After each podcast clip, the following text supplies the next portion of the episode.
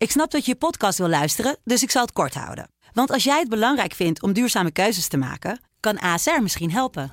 Nou hoor ik je denken, hoe dan? Nou, bijvoorbeeld bij het duurzaam herstellen van schade. Of de premies die we beleggen volgens ons duurzaam beleggingsbeleid. Dat bepaalt waar we wel en juist niet in investeren. Wil je meer weten over welke duurzame keuzes ASR maakt? Ga dan naar asr.nl slash duurzame keuzes. ASR doet het.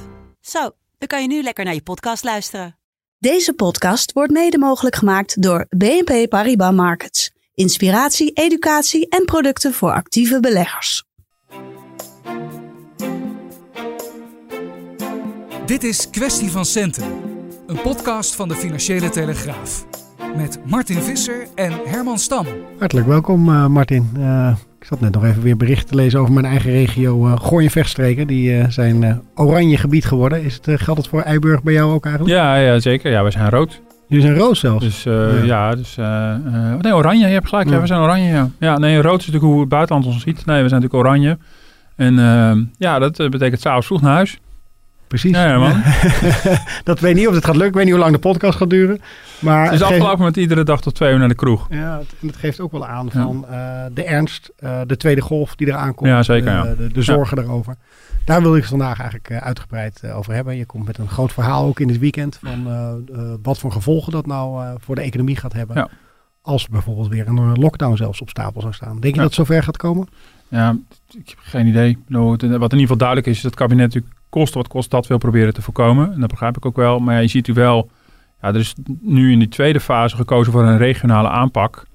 Maar ja, deze week werd al duidelijk dat, uh, dat zei ik, uh, premier Rutte in het, in het uh, coronadebat deze week, ja, dat het aantal regio's al van zes wordt uitgebreid met nog eens acht van de 25. Dus ja, dat is al half Nederland. Mm -hmm. en ik denk een inwonertal misschien wel twee derde van Nederland. misschien wel meer, dat weet ik niet precies. Maar ja, dus, dus een regionale aanpak wordt nu al bijna heel snel een landelijke aanpak. Ja. En uh, overigens nog geen lockdown. Hè. Ik bedoel, ik maakte net een grapje over, maar de horeca moet dan om... Uh, het is de 12 uur de deuren dicht ja, en de lichten de echte aan. kroegtijgers uh, zijn het slachtoffer. Daarom maak je die grap over mij. Hè? Ik denk dat mevrouw heel blij is. Ja, ja, ja, ja. Nou goed, maar ik ben bang dat, dat, dat wij niet meer zo heel vaak op dat tijdstip in die nee. kroeg uh, zitten.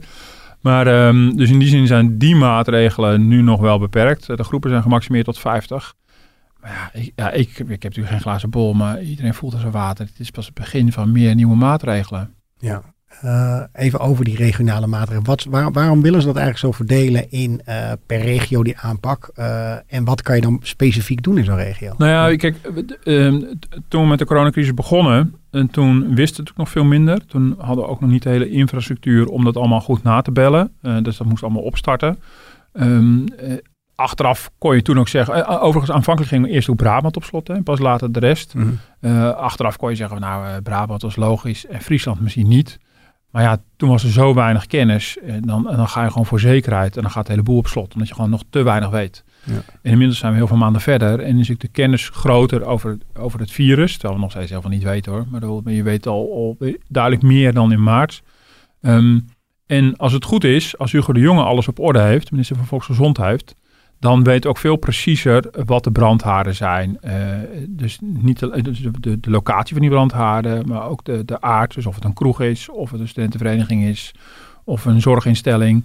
Uh, en dan is het ook minder snel nodig om heel Nederland dicht te gooien. En dan kan je veel specifieker uh, dingen doen. En dan kan je inderdaad denken aan of horeca, Um, of uh, het afsluiten van een bepaalde openbare gebieden, dus parken. Dat gebeurt dus ook in de nacht om te voorkomen dat daar illegale feesten ontstaan. Ja. Je kan de omvang van groepen gaan beperken. Nou, dat doen ze nu nog in, meer in de, in de informele sfeer, zoals trouwerijen en, uh, en, en, en, dat soort dingen. Um, ja, daar kan je natuurlijk steeds verder terug gaan dringen. Je kan natuurlijk steeds, steeds meer ook gewoon de, de, de, de, de ik weet, nu gaat het nog om, om, om feestzalen, maar dat kan je op een gegeven moment ook, zou je dat in theorie kunnen doen voor theaters of of concertzalen of voor horeca. Dat kan je natuurlijk stapje voor stapje steeds verder aanscherpen. Denk, denk jij dat uh, als je dat op die manier doet, hè, dat het iets meer begrip kweekt? Je hebt natuurlijk deze week is ook echt de week geweest van uh, protest. Ik hou me niet meer aan die regels. Hè. Een aantal uh, vloggers. Ja. ik ben niet modern genoeg dat ik al die namen uit mijn hoofd weet. Maar die zeggen van nou, je, moet je, je hoeft je niet aan die maatregelen ja. te houden. Uh, dat dit dan gaat helpen voor uh, draagvlak erin van we doen het regionaal, daar is het nu even nodig. En op andere plekken kan je nog wel ja. wat meer doorgaan met je leven. Nou ja, kijk, dat, dat, is, natuurlijk wel de, dat is natuurlijk wel de hoop. Dat je natuurlijk uh, ja, daar een maatregel treft waar ze ook zin hebben. Maar ja, het wordt steeds moeilijker. Dat is natuurlijk ook wel duidelijk. Ja, dat kunnen we niet exact meten of dat zo is. De steun voor het kabinet is nog best wel groot. De steun voor premier Rutte is nog heel erg groot. Maar je merkt natuurlijk aan, allerlei eh, dingen, bijvoorbeeld aan hoe moeilijk eh, Hugo de Jonge tegenwoordig heeft, ook in politieke debatten, ook aan demonstraties her en der. Dat is misschien niet allemaal representatief voor een hele bevolking, maar toch, bedoel, het is veel meer gepolitiseerd al dit debat. Het, ook, het, staat ook veel meer op scherp, dus het is niet meer dat eendrachtige gevoel wat er in maart, april misschien nog wel was. Ja, en dan zou de bedoeling natuurlijk zijn dat als je de maatregelen heel specifiek en gericht doet, dat mensen dat beter begrijpen dan wanneer je gewoon een algehele lockdown doet. Maar dat mhm. kan alleen maar als de overheid natuurlijk wel de zaakjes op orde heeft. Ja. En daar schort het natuurlijk ook aan, nog even los van mensen die niet in corona geloven. Dat mag voor mij allemaal. Maar, wat uh, vond je ervan? Want heel Nederland heeft er een mening over gehad wat er deze week eh, gebeurde. Hoe keek jij daarnaar? Ja, ja. Ja, ik vind het ingewikkeld. vind je het gevaarlijk dat mensen. Nou ja, het is, wel, het is wel gevaarlijk. Maar tegelijkertijd heel grappig dat, eh, dat heel veel jongeren en kinderen daar heel laconiek op reageren. Ik bedoel, dat zie je ook gewoon her en der. Uh, ook, ook mijn kinderen bij mij thuis. Die zitten bra braaf jeugdjournaal na te praten. En uh, mainstream media natuurlijk. Ik bedoel, uh, ja, dat doen ze dan op die manier. Ja. Nou ja, nee, maar dat, dat, dat zullen de anderen dan weer zeggen. dat oh, zijn mainstream media. Dat, zo mm. zien mijn kinderen dat helemaal niet. Maar en dat hoor je natuurlijk heel veel terug ik denk dat de influencers in dit geval niet zo heel veel influence hebben gehad. Hm. Ehm, ja, het kan wel gevaarlijk zijn. En uh, tegelijkertijd is het ook een hele interessante worsteling hoe je hier nou precies mee omgaat. Waardoor, uh, het zeggen van nou, uh, wat zijn er nou voor bekende Nederlands? Ik heb er nog nooit van gehoord. Nou, dat zegt dan meestal iets over jouw leeftijd. Mm -hmm. Dus ook over de mijne. Uh, dat zijn wel mensen natuurlijk met heel veel volgers, met grote populariteit in, bepaal, in bepaalde groepen. En ik vond dat uh, Diederik Gommers dat ook heel goed deed bij Jinek, die bijna vaderlijk Femke Louise inging. Uh, dus niet baninerend doen, niet denigrerend mm doen. En je kan erover vallen of iemand een zin begint met een hoofdletter en eindigt met een punt. Maar je kan ook gewoon zeggen, ik begrijp jouw zorg. Bedoel, wat ook premier Rutte zei in zijn persconferentie vorige week. Wat ik een van de betere persconferenties vond. Het is gewoon voor jongeren, is het gewoon een rottijd. Het is gewoon, dat is gewoon een feit. En als je da daar even bij stilstaan en dan vervolgens proberen toch begrip te kweken voordat er toch iets nodig is. En, um, en het zijn niet alleen de jongeren, want we hebben natuurlijk ook over gehad over horeca-ondernemers die ook uh, de, zeggen van nou, die maatregelen gaan allemaal veel te ver en die treffen ons te hard. Ja, en dat, is wel, dat vind ik ook wel zorgelijk hoor. Je ziet er vooral de horeca, eh, heel begrijpelijk, het is allemaal verklaarbaar, maar uh, ook de horeca, de, ook die brancheorganisatie daar heel geharnast in zit, ook al als ik je naar de rechter is gestapt. ook in de theaterbranche wordt gezegd van kunnen van die anderhalve meter niet een meter maken. Ja, ja het is allemaal, ik, ik, ik snap het allemaal. Maar op een gegeven moment is het, het, is ja, het werkt alleen maar als we met elkaar in ieder geval een aantal basisregels gewoon handhaven. Mhm. En die voortdurend ter discussie stellen, helpt het niet zoveel. Natuurlijk zou een meter ook kunnen. Maar ja, weet je, um, op een gegeven moment is het gewoon bedacht. Het zit nu in onze hoofden. Uh, laat het nou even zo. Maar dan is het dus wel zaak dat je als overheid ook wel, wel duidelijk maakt. We gaan een, een horecagelegenheid alleen maar sluiten als het echt nodig is. Mhm. En uh, ja, daar had de horeca natuurlijk ook wel vraagtekens bij van. Nu treft het de horeca, weliswaar alleen in de nachtelijke uren. Um, dus je, je, treft er vooral een bepaalde doelgroep mee. Ik denk dat, nou goed, ik weet niet of dat de, de, uren zijn met de meeste omzet, dat weet ik eerlijk gezegd niet.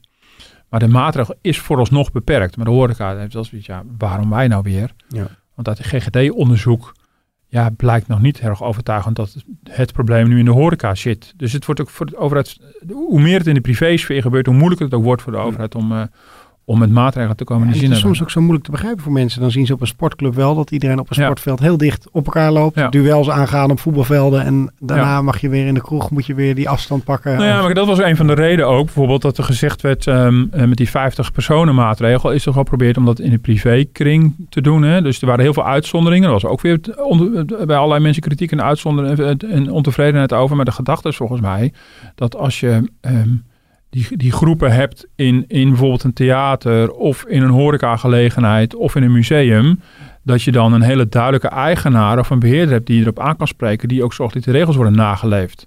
Kijk, als je bijvoorbeeld, uh, dat, dat speelt toevallig bij ons met, met de kerk waar ik in zit. Wij zouden met, met de hele club in oktober naar een groepsaccommodatie gaan voor een weekend. Mm ja, dat is nu gemaximeerd op 50. Dus dat, dat gaat dus niet op die manier. Maar dat is ook niet vanuit de overheid heel duidelijk wie je aan kan spreken op de handhaving van de regels in zo'n groep. Die eigenaar van de accommodatie, die heeft iets, het, het kan in onze accommodatie, maar jullie moeten dat doen.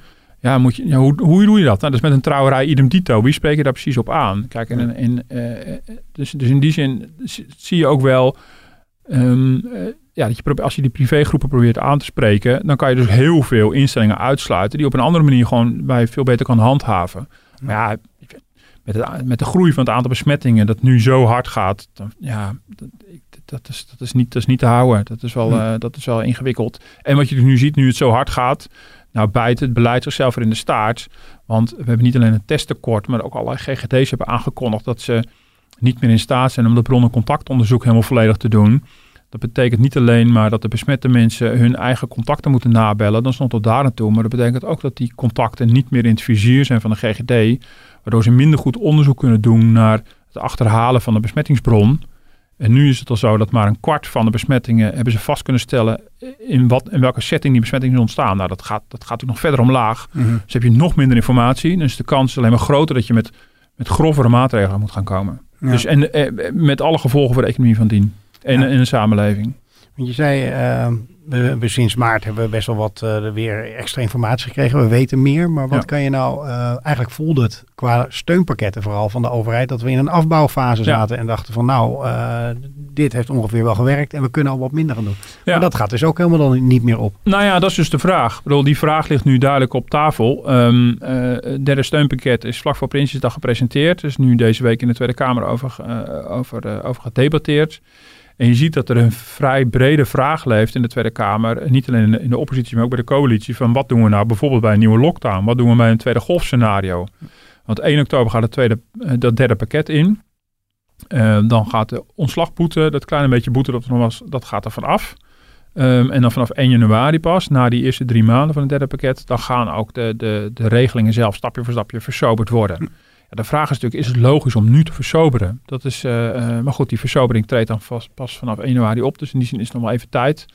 En je ziet het kabinet daar nog niet op antwoord eigenlijk. Die zijn heel afhoudend om nu al toe te zeggen bij een nieuwe lockdown hoort er weer een volledige steun. Je kan er niet bij hè, dat het niet berekend is ook. Hè? Dat het ja, niet meer, of, misschien is het wel berekend, maar dat het in ieder geval niet gecommuniceerd wordt. Ja, daar hadden we vorige week ook al over. En nu zie je hoe concreet het al begint te worden. Vorige week hadden we het natuurlijk vooral over uh, of de minister van Financiën doorrekent. Wat betekent het voor mijn begroting uh, als er een tweede golf aankomt. Maar voor de steunpakket zie je natuurlijk precies hetzelfde. Uh, daar kan je natuurlijk ook afvragen van Um, ja, misschien is het toch wel handig om van tevoren te bedenken, wat doen we in zo'n scenario? Um, maar ja, ik, ik ben er niet helemaal achter of het kabinet dat nou niet wil, of, of het niet kan, of het niet naar buiten wil brengen. Mm um, maar het lijkt mij zo logisch, dat als alle economen werken met scenario's, omdat niemand precies weet waar het heen gaat, dat je ook beleidsvarianten hebt. Maar dat, dat we blijkbaar toch heel erg moeilijk. En wat je natuurlijk nu ook, ook ziet, dat werd ook in het Kamerdebat genoemd, uiteindelijk het gezondheidsbeleid is misschien wel het beste steunpakket. Ik bedoel, de, de, de relatie, de link tussen wat Hugo de Jonge zit te doen en wat die andere ministers moeten doen, die link die lijkt in, in, in het kabinet nog onvoldoende gelegd. Je ziet dus nu ook in toenemende mate dat bedrijven zich ook beginnen te roeren. Van als die testcapaciteit niet op orde is, kan ons bedrijf niet draaien. Mm als er een tweede golf komt, heeft het grote economische gevolgen. Dus als uh, het beleid aan de kant van Hugo de Jonge faalt, wat, wat duidelijk aan de gang is al een hele tijd, Um, dan hebben we economisch ook een groot probleem. En dat betekent dus betekent misschien ook wel dat je meer moet gaan steunen, omdat we de, de tweede golf niet onder controle hebben. hoe kijk je daar uh, politiek naartoe? Want uh, de, die jongen wil natuurlijk uh, premier worden, of in ieder geval veel zetels binnenhalen namens het CDA. Ja. Dit is me wel even een taak die hij in zijn maag gesplitst krijgt richting maart de verkiezingen, toch? Nee, ja, zeker. En ik zie in onze krant er ook verschillende collega's ook heel kritisch over schrijven. En um, um, ja, dat, dat, ja, dat wordt ik dat wordt wel een ingewikkelde. Ik bedoel, het is nu ook heel moeilijk voorspelbaar in hoeverre um, dat ook uh, politieke repercussies gaat krijgen. Dat is natuurlijk wel opvallend natuurlijk, dat, dat uh, de lijsttrekker van het VVD, dat weten we nog niet zeker met Rutte, mm -hmm. en de lijsttrekker van CDA, dat die natuurlijk allebei een hele grote coronaverantwoordelijkheid hebben. En hoe gaat dat balletje rollen? Nou, Wouter de Winter uh, de parlementaire redactie heeft natuurlijk ook eh, deze week ook eh, over geschreven. Nou, dat is wel een spannend ding, ook nog voor beide partijen. En uh, ja. begrijp dat de spindokters daar uh, volle, volle, volle toeren draaien om duidelijk te maken hoeveel vertrouwen die partijen in hun eigen leider hebben. Ja. En hij schreef ook nog volgens mij dat Hoekstra daarmee nog niet helemaal afgeschreven is. Ja, dat is ook een verrassende, verrassende move. Maar goed, ik ben, ben benieuwd. Maar dat is voor Hugo de Jonge. Ja, dat, ook, goed, dat blijft ook ingewikkeld. Hè. Hij heeft natuurlijk zeker moment heeft hij zich vooral druk gemaakt over, uh, over of de stem van mevrouw Omtzigt naar hem gegaan is of niet. Uh, mm. Dus hij had ook allerlei ding, andere dingen aan zijn hoofd. Hij gewoon een crisis, crisis te managen had. Dat is ook wonderlijk eigenlijk. Maar goed, eigenlijk zou je zeggen van... Um, dat is, dat is onmogelijk, maar Rutte en de Jong moeten zich vol op die crisis storten en eigenlijk niet tegelijkertijd moeten denken aan die verkiezingen. Maar ja, dat, ja zo is het nu helemaal. Uh, die verkiezingen zullen in het teken staan van corona. En um, ja, dus dat is, wel, dat is wel een risico hoor. Dat je ook gewoon je beleid gaat inkleuren. Omdat je weet dat je een afbreukrisico hebt bij de verkiezingen. Ja, je zou hopen dat dat, dat dat los van elkaar staat. Maar ja, dat is onvermijdelijk dat dat met elkaar verknapt gaat worden. En nu even voor de korte termijn. Hè, voor ondernemers die zich zorgen maken. Die inderdaad denken van oh jee, daar komt die tweede golf. Wat kan je die ondernemers nu het beste bieden als overheid? Ja, nou ja, voorlopig is er dus wel een derde steunpakket. Ik bedoel, het is niet zo dat het, uh, dat het helemaal niet meer bestaat. Dus het is nog steeds steun voor ZZP'ers bijvoorbeeld. Die maar we zagen, want je hebt namelijk wel, namelijk wel eens eerder gezegd, uh, er wordt steeds minder gebruik gemaakt van die steunpakketten ja, eigenlijk. Zeker, ja. Dus ja. zie je dan weer een golf terugkomen van nou, daar, nou, daar, ben, daar ben ik wel benieuwd naar. Want uit de enquête, er was van de week ook een enquête van VNO, uh, uh, NCW en MKB Nederland. En um, de, de werkgeversorganisaties, overigens niet onder ondernemers, maar onder directeuren van brancheorganisaties. Dus het zijn ook een beetje lobbyisten. En daar bleek nog wel uit dat uh, een heel groot deel van de ondernemers nog steeds denkt gebruik te gaan maken van die steunpakketten. Dus dat vond ik wel opvallend. Um, um, het, wordt wel, het wordt wel minder. Je ziet ook wel dat uh, de terugval in omzetten ook lager wordt. Um, uh, maar goed, nog steeds zullen, als je, als je flinke omzet terugval hebt, je moet, dan, je moet 20% om, omzet terugval hebben om die loonsteun bijvoorbeeld in aanmerking voor te komen ja, dat zullen toch dat zullen nog heel veel ondernemers wel, uh, wel, wel halen. Maar je proeft, mijn indruk is dat aan de ondernemerskant is een beetje ja, twee varianten. Sommigen denken van, nou weet je, ik heb, ik heb er misschien wel recht op, maar ik wil toch weer op eigen benen kunnen staan. Dus neem het heft in eigen hand, die gaan reorganiseren. Zijn ze ook bang voor die uh, terugbetalingen die ze moeten doen? Nou, dat is ook een onzekerheid hoor. Er zitten nog heel veel technische en, en uh, um, technische alletjes onder het gras. Dat je op een gegeven moment, je moet wel aan het eind weer afrekenen. Ja. van tevoren moet je inschatten wat je, in, wat je omzetderving zal zijn. Je moet informatie inleveren over je loonsom. Dat is dan overigens gekoppeld aan aan de data die je UWV al, uh, al heeft van je, van, je, van je loonbestand. Dus, dus, maar ook je moet dus die inschatting maken. En dan krijg je een voorschot van 80% en dan later komt de afrekening. Dus ja, daar, daar kan wel een hoop getouwtrek nog over zijn. En dat wil je natuurlijk achteraf niet. Want dat geld heb je wel al doorgesluist aan je werknemers. Dus dat, daar zit nog wel een risico aan. Maar goed, er blijft nog steeds voor ZZP'ers een mogelijkheid om, om, uh, om steun te krijgen. Wel weer ietsje strenger. Want uh, er is een, straks een partnertoets en een vermogenstoets. Um, waarbij je overigens niet je eigen huis hoeft op te eten, maar wel je spaarrekening eerst uh, maar betekent simpelweg als je partner nog te veel verdient, dan heb je, maak je eigenlijk gewoon uh, minder ja, kans. Precies. nou, dat was in het tweede pakket uh, was dat geïntroduceerd en nu komt die vermogenstoets er bovenop in het derde pakket. En er is nog steeds die loonsteun, waarbij, uh, waarbij je tot maximaal 90% van de loonsom betaald kan krijgen. Alleen nu is 10% daarvan, 10% punt daarvan is gereserveerd voor schoningskosten.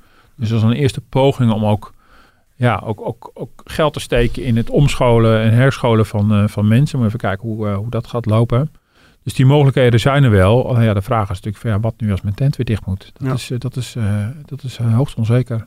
En ondertussen zie je ook verhalen, bijvoorbeeld uh, CNV, die deze week zich zorgen maakt over die transitievergoedingen. Dat het uh, minder uitgekeerd wordt, hè, waar ook een stuk ja. begeleiding zit naar nieuw werk. Ja. Omdat werkgevers ook gewoon denken van, nou, dat kan ik eigenlijk niet betalen. En als ik er niet te veel over begin, dan is het wel goed zo, toch? Nou ja, vanuit die ondernemer geredeneerd is dat misschien ook wel begrijpelijk. Ik bedoel, um, maar ja, tegelijkertijd, die transitievergoeding is een soort van ontslagvergoeding. Die is natuurlijk heel erg bedoeld, die transitie, op het vinden van nieuw werk. Dus dat mm. is een soort investering in in de mensen waar je afscheid van neemt, waarmee zij dus zich uh, bij kunnen scholen uh, en op zoek kunnen gaan naar ander werk. Dus dat is die niet voor niks. Uh, als het bedrijf failliet gaat, dan kan je sowieso al fluiten naar die centen. Maar ja, goed, uit het verhaal wat we hadden blijkt al dat heel veel ondernemers ja, zeggen we kunnen het niet betalen. En dan is het aan die werknemers of ze de, de moeite willen nemen en de kosten erin willen steken om, om toch dat recht op te eisen. Mm Je hebt wel een claim op die werkgever. Maar goed, dat ik had er wel een beetje bij van, als vakbonden dat roepen, bedoelen ze eigenlijk ook van je moet lid worden van de vakbond, ja, sta je sterker. dat is ook, ook te denken. Maar uh, van uh, allicht uh, dat je via de vakbond, dat die dat dan voor je kunnen regelen. Ehm, zeker. Overigens vind ik dat ook wel legitiem. Want als een vakbond nog ergens goed voor zou zijn, is het misschien wel dat. Als een, ja. soort, als een soort hulp, een soort juridische hulp bij, bij zulke soort vraagstukken. Um, uh, deden ze dat maar meer dan uh, dat ze tot nu toe doen. En helemaal in deze tijden natuurlijk. Dan, Zeker. Uh, dus wat mij betreft ligt daar vooral een meerwaarde. En niet dat oeverloze gepolder wat ze allemaal maar doen. En dan zogenaamd voor het algemeen belang te gaan. Help, help, help werknemers dan heel concreet met, met een arbeidsconflict of met zulke situaties als een soort juridische bijstand. Dat, lijkt me een hele legitieme rol voor, uh, voor de vakbond. Maar dat, zat, dat is ongetwijfeld hun belang geweest. En goed, het gaat hier wel om geld waar mensen gewoon recht op hebben. Maar zie je nog een, uh, een soort van lobby van de werkgevers van we willen ook van die transitievergoeding af, omdat we gewoon uh, zoveel in, zo diep in de crisis zitten dat we het niet meer kunnen opbrengen? Nou ja, er zijn natuurlijk wel, um, er zijn wel gevallen, ook wel bekend, waar overigens ook voor de crisis ook wel op wordt op het gewezen. Um, van een ondernemer die eigenlijk een ondernemer die eigenlijk failliet is en op een gegeven moment eigenlijk niet failliet kan gaan omdat hij dan die enorme transitievergoeding moet ophoesten en soms ook helemaal in de klem komt te zitten. Mm -hmm. um, dus niet, ik, ik heb niet toch een hele algemene lobby gezien van nou daar moet heel veel van af of iets dergelijks, maar wel voor die specifieke gevallen van ondernemers die op een gegeven moment echt niet meer kunnen betalen ja. en dan totaal en ja en dan zitten met die rechten van die werknemers, maar die die vechten ze op zichzelf niet aan. Nou, uh, uh, en natuurlijk is er altijd een poging vanuit werkgevers om de, on, de ontslagregelingen weer verder te versoberen en te versoepelen. Mm -hmm. En uh, dat is het klassieke spel wat ik, ja. uh, eigenlijk altijd gespeeld wordt. Hoe, hoe vind je het überhaupt gaan, de verhoudingen tussen werkgevers en werknemers? Je ziet ook verhalen van arbeidsinspectie die deze week alarm slaat. Omdat mensen dus te veel gedwongen worden om nog op ja. hun werk te moeten komen. Juist andere mensen die weer klagen van ik zit te veel thuis. Ja. Hoe, hoe vind je dat gaan tot nu toe? Nou ja, er is ook wel een groot verschil tussen hoe het gaat op dat, op dat polderniveau. Want daar vinden ze elkaar dus wel. Uh, Han Busker van de FNV en Hans de Boer van, uh, die nu vertrokken is bij VNO. Nou, die konden het goed met elkaar vinden. En, uh, en hebben ook vanaf half maart echt con continu overlegd met het kabinet over hoe die steunpakketten eruit moesten zien. Mm -hmm. Waarbij ze ook wel best wel bereid waren om af en toe iets te slikken wat ze misschien toch niet zo prettig vonden. Maar dat is weer wat anders dan wat op de werkvloer gebeurt. Kijk, dat verhaal over die... Um, mensen die zich gedwongen voelen om naar hun werk te komen, dat ze het eigenlijk niet willen. Dat is natuurlijk een aspect. Maar dan je zal maar een, een baas hebben die, die ook niet in corona gelooft, om zo mm. te zeggen. Dus dan, dan zit je dan ja. maar mooi mee. Of die er gewoon een beetje een lak aan heeft van het moet gewoon ja. geld verdiend worden en uh, dit is het maar zo. Ja, ja. ja. dus, um, uh, dus nou, dat, dat hadden natuurlijk van de week ook een verhaal uh, over dat er heel veel klachten bij de arbeidsinspectie over binnenkomen. En um, nou, ik kan me best voorstellen dat het moeilijk om het te handhaven is. Dus dat, dat, dat, dat zie je ook.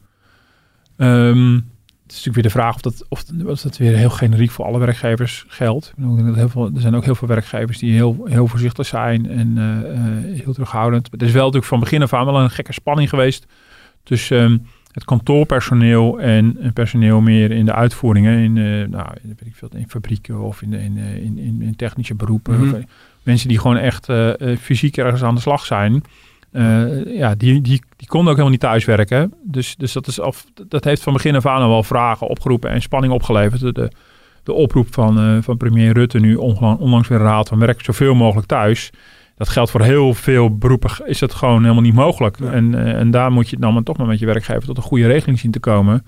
En dan zal het ongetwijfeld ook af en toe wel knellen of de, of de regels precies gehandhaafd worden. Maar dan is het voor de ondernemer ook waarschijnlijk de afweging, als ik me, als ik me helemaal aan die regels hou, dan komt misschien mijn productieproces wel stil te liggen. En dan, ja, dan gaat het natuurlijk op een gegeven moment uh, in de praktijk, natuurlijk, uh, komt het in de knel. Want ja, dan wil zo'n ondernemer toch zijn bedrijf uh, laten draaien als het even kan. Heb je het idee dat mensen een beetje, zeker met zo'n tweede golf opkomst, van dat mensen het gewoon beu zijn? Weet je wel, van we hebben maanden volgehouden. Maar jee, we gaan ja. weer de herfst in en de winter. Het wordt eigenlijk ja. allemaal weer erger. Ja, nou zeker omdat het natuurlijk bijna iedereen treft. op allerlei verschillende manieren. Nou, bedoel, uh, nou ja, en ik heb dan uh, kinderen in de basisschoolleeftijd. Bedoel, uh, en daar merk je het bijvoorbeeld op de scholen natuurlijk. In ieder geval, ik heb het in ieder geval gemerkt met alle leraren die uitvallen omdat ze getest worden. Eentje die corona had. Kinderen die thuis blijven met een snotneus. Nou, nu hoeft dat dan niet meer. Nou, dat, dat kan. Het kan natuurlijk op je werkplek kan dat spelen. Um, het hele hoeven wel of niet thuiswerken.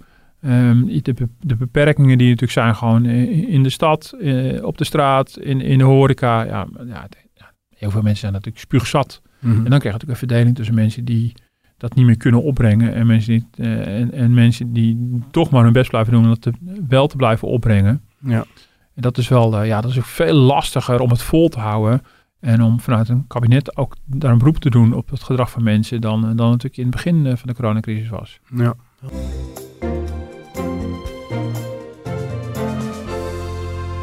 Hey, uh, tot slot, je hebt ook nog uh, een oud-minister van Financiën deze week uh, gesproken, Onno, ja. Ruding. Onno Ruding. Ja.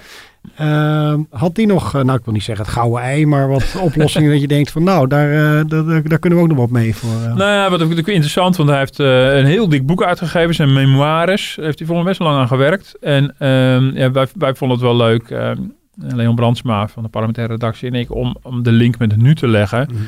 Hij is een van de ministers van Financiën geweest die, die, die destijds in de periode Lubbers en zo geprobeerd heeft om de uitdijende staatsschuld weer terug te dringen. En het is natuurlijk wel leuk om hem te laten reflecteren op een periode waarin de staatsschuld moedwillig op laten lopen. Uh, hij zei van ja, ik betaalde destijds, of de staat betaalde destijds 9% rente over de staatsschuld. Dus dat is sowieso al echt een ander verhaal dan Bobke Hoekstra, die deze week een 30-jarige lening uitgaf en daar 0,000 1% of zoiets. In ieder geval ongeveer 0,0% rente over betaald. Mm Totaal andere situatie. Maar wat hij... Wat hij en daar keek hij met jaloezie naar? Of nou, wel, ja, gewoon, nou ja, dat viel wel mee. Maar het om te, uh, hij beschreef wel, dat vond ik wel, wel grappig, dat hij beschreef, ja, het was, daardoor was in zijn tijd natuurlijk de rentelasten ook een heel groot deel op de begroting. Mhm. En dat is die, de rentelasten, die post is in de afgelopen jaren echt heel snel geslonken. Ik bedoel, we betalen natuurlijk nog steeds rente, want er lopen nog staatsleningen uit het verleden. Um, dan, dan, wat hij beschreef was wel, wel aardig. Dan, dan is het ook lastig bezuinigen, want die rente zit je steeds in de weg. Nou, dan ziet bijvoorbeeld waar Griekenland in veel grotere mate ook volgens mee te maken heeft, uh, heeft, heeft gehad en heeft. En in Italië, als je een enorme staatsschuld hebt en nog een enorme rentelast, in, de, in dit geval bij deze landen uit het verleden, maar toen bij onderrunning speelde dat actueel. Ja, dan is het tegen de klippen op bezuinigen. Mhm. En dat is natuurlijk zoveel relaxter nu met een rente van nul. Even los van of je de staatsschuld laat oplopen. Je hebt natuurlijk veel overzichtelijker financieringslasten. Maar ik vond het wel interessant. We hebben een aantal dingen besproken met hem. Waar hij natuurlijk met zijn blik naar kijkt. Van ja, nou vind je het dan een goed idee om te zeggen, nou de rente is ongeveer nul. We laten de staatsschuld met 20 miljard oplopen om een groeifonds te beginnen. Nou, daar was hij heel kritisch over. Hm. Zei, ja, maar dus dan ga je eigenlijk geld steken in, in, um, in investeringen waar de ministers tot dan toe nog geen prioriteit gaven, voor gaven begroting. En dan ineens is het het belangrijkste voor de toekomst van Nederland. Ja. Wij wantrouwden heel erg de redenering. Dat vond ik interessant. Een ander aspect heb ik ook voorgelegd van, uh, ja, politiek wordt steeds gezegd van, uh, ja, nu zijn bezuinigingen niet aan de orde. Heel veel economen zeggen, nou, bezuinigingen zijn überhaupt niet aan de orde, want die staatsschuld, ah, die laten gewoon oplopen de 80, 90, dat maakt allemaal niet zoveel uit. Ik zeg maar, onze lezers hebben toch ergens het gevoel van, ja, maar vroeg of laat zal er weer een minister van Financiën zijn, een premier die zegt, ja, maar nu moeten we echt gaan bezuinigen. Mhm. En hij beaamde heel erg dat gevoel van, ja, dat zien die lezers, die zien, die zien dat goed. Want dat is, uh, even los van of dat economisch wel of niet nodig is, maar dat zit toch gewoon in het politieke proces. Dat als een aantal jaren voorbij zijn, dat er toch een moment komt dat je, dat je toch ook weer die, die begroting die dan uitgedijd is, toch weer een beetje in het gereel wil gaan krijgen. En dat dus, het misschien ook wel gevaarlijker is dat je het nu op zo'n goedkope manier kan doen, dat je daardoor ook makkelijker gaat doen. Dat je laat het makkelijker oplopen. Um, je moet ook rekening mee houden, de rente is niet eeuwig nul. En hoe niemand weet hoe lang die zo laag blijft. De voorspellingen zijn dat hij heel lang laag blijft, maar dat weet je allemaal helemaal niet zeker. Dus dat, dat kan ook, op een gegeven moment, als het weer oploopt, kan het ook heel snel het plaatje er anders uitzien. Hij zei van, natuurlijk moet je niet nu gaan bezuinigen. Maar over een paar jaar komt die vraag van wie gaat deze rekening betalen natuurlijk absoluut op tafel. Dan zeggen we, nou, daar maak je nou maar geen illusies over. Dus het was toch heel aardig. En nog één ander ding, uh, verraad ik bijna het hele interview. Maar goed, uh, misschien hebben mensen ja, al lang gelezen. Het is een groot interview volgens mij. Misschien hebben mensen al lang gelezen dus deze podcast luisteren. Uh, wat ook heel aardig is, is één specifiek onderdeel. Wat in de, in de algemene beschouwingen ook weer uitgelicht door de linkse oppositie. Er gaat 2 miljard per jaar naar de BIC. De BIC, de baangerelateerde investeringskorting. Dat is het nieuwe speeltje van de werkgevers in ruil voor uh, het niet doorgaan van de verlaging van de winstbelasting. En dat is een soort investeringsimpuls, een belastingaftrek. Centraal Planbureau is daar al kritisch op. Die zegt van nou, dit lijkt wel heel erg op een oud instrument dat we ooit hebben gehad, de WEER. En de WEER was ook een investeringsimpuls en die is afgeschaft door. Mm. Dus hij kon ja. fijntjes uitleggen wat er mis was met dat ding. En waarom het volgens hem nu weer misgaat. Maar goed, dat staat verder allemaal in de krant. Ja, gaan we met plezier lezen. Ik heb ook begrepen dat hij een van de lekkerste koekjes uh, de, van Nederland serveerde. Dat hele, lekkere, hele lekkere macarons. Hij heeft natuurlijk lang in Brussel gewoond. Misschien uh, hebben, ze daar, uh, hebben ze daar geleerd macarons eten. Maar, ja. wel inderdaad hele lekkere macarons. Ja, ja. Goed Kijk. maar daar heeft de luisteraar helemaal niks aan. Nee, het water in de mond nu. Uh, dankjewel Martin weer voor je tijd. mensen kunnen ons terugluisteren op Spotify en op iTunes. En, Abonneren abonneren. Ja, of uh, zelfs een beoordeling geven. Volgens mij is dat ook altijd uh, heel goed uh, op dat soort platforms. En u kunt vragen sturen naar podcast.dft.nl. Martin, dankjewel voor je tijd en u bedankt voor het luisteren.